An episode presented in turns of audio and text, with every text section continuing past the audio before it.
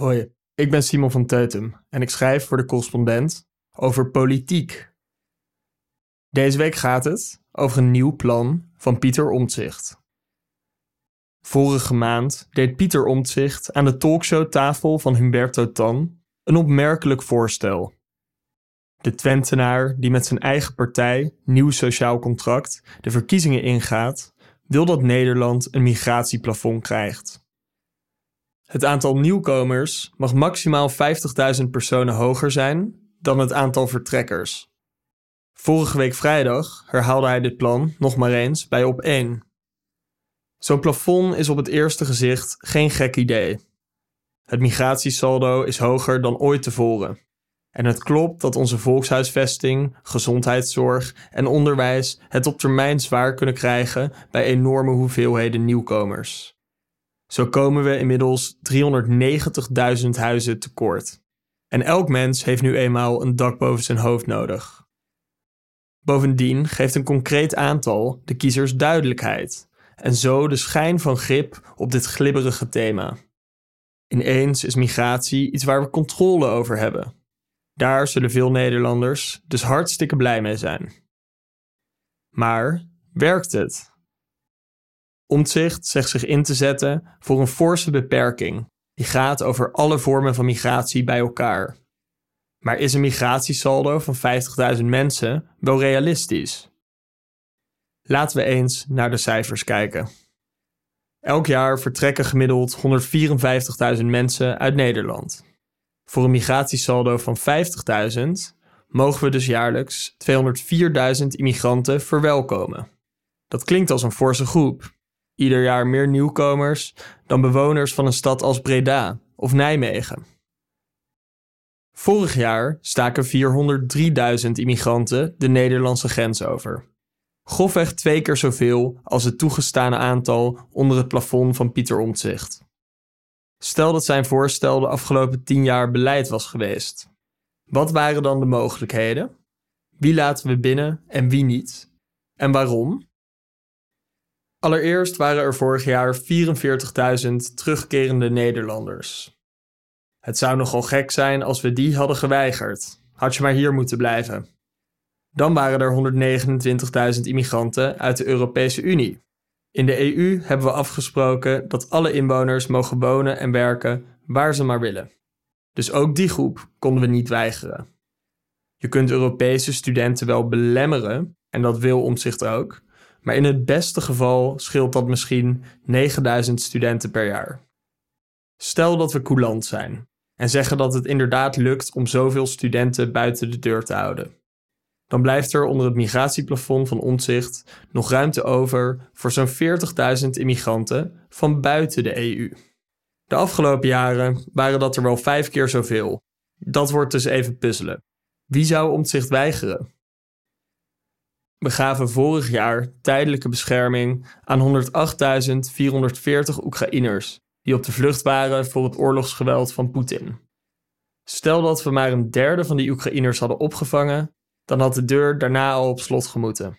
En vergis je niet, de meeste EU-landen vangen nu al meer Oekraïners op dan wij, afgezet tegen hun bevolkingscijfer.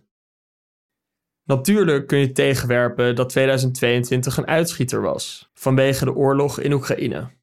Dus laat ik omzicht opnieuw het voordeel van de twijfel geven en veronderstellen dat zoiets nooit meer gebeurt. Alleen, zelfs als Poetin Oekraïne niet was binnengevallen, hadden we vorig jaar de overgrote meerderheid van de immigranten van buiten de EU volgens omzichtsplan moeten weigeren aan de poort. We hadden het gros van de asielzoekers, gezinsleden van inwoners van Nederland, arbeidsmigranten en studenten van buiten de EU moeten afwijzen. Tweederde van hen had niet naar Nederland mogen komen, want anders was het richtgetal overschreden. Het is maar zeer de vraag of dat haalbaar is. Het weigeren van asielzoekers gaat bijvoorbeeld al in tegen internationale verdragen.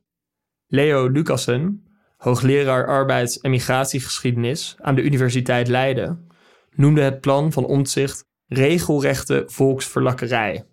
Volgens hem zijn deze aantallen alleen mogelijk met een nexit.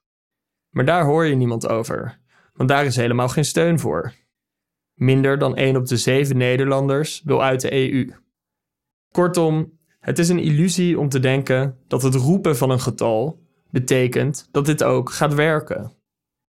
Omtzigt zal ongetwijfeld plannen presenteren die het migratiesaldo kunnen verminderen. Maar een doelstelling van 50.000 lijkt op dit moment zeer ongeloofwaardig.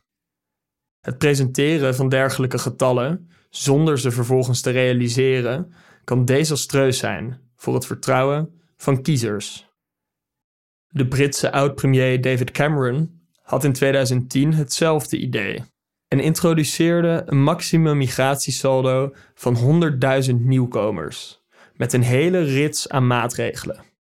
In de negen jaar daarna werd zijn richtgetal iedere keer overschreden. En in 2019 werd het door notabene Boris Johnson bij het vuilnis gezet. Laten we omzicht nog een keer het voordeel van de twijfel geven en veronderstellen dat een migratiesaldo van 50.000 op de lange termijn in elk geval in theorie mogelijk is. Dan nog is het de vraag of kiezers dit wel echt willen, als ze eenmaal doorhebben wie er in dit scenario wel en niet geweigerd wordt. Ik betwijfel dat bij asielzoekers, arbeidsmigranten en al helemaal bij onze eigen gezinsleden uit het buitenland. Een streefgetal klinkt prachtig, Totdat onze bondgenoten boos zijn dat we afspraken over asielzoekers niet nakomen, de Britse echtgenote van een geboren Nederlander geen verblijfsvergunning krijgt en chipmachinemaker ASML uit Veldhoven vertrekt omdat het geen Amerikaanse ingenieurs kan aannemen. Uit verkiezingsonderzoek blijkt dat de meerderheid van de Amerikanen en Britten van mening is dat de immigratie in het algemeen te hoog is. Maar bij vragen over specifieke groepen wil slechts een minderheid beperkingen. Mijn punt mag duidelijk zijn. Iedereen die een migratieplafond voorstelt, moet ook direct uitleggen hoe hij dat waarmaakt, wie hij als eerste buitensluit en op basis van welke criteria en principes hij deze selectie maakt. Als je daar concreet over wordt, dan bots je ineens tegen allemaal persoonlijke, economische of altruïstische belangen aan en is grip op migratie ineens een stuk minder sexy voor veel luisteraars. Dat verhaal kreeg ik niet te horen aan de talkshowtafel van Humberto of op één. En aangezien de Partij van Omtzigt als enige, naast Denk, nog geen verkiezingsprogramma heeft gepubliceerd, kunnen we het daar ook niet lezen.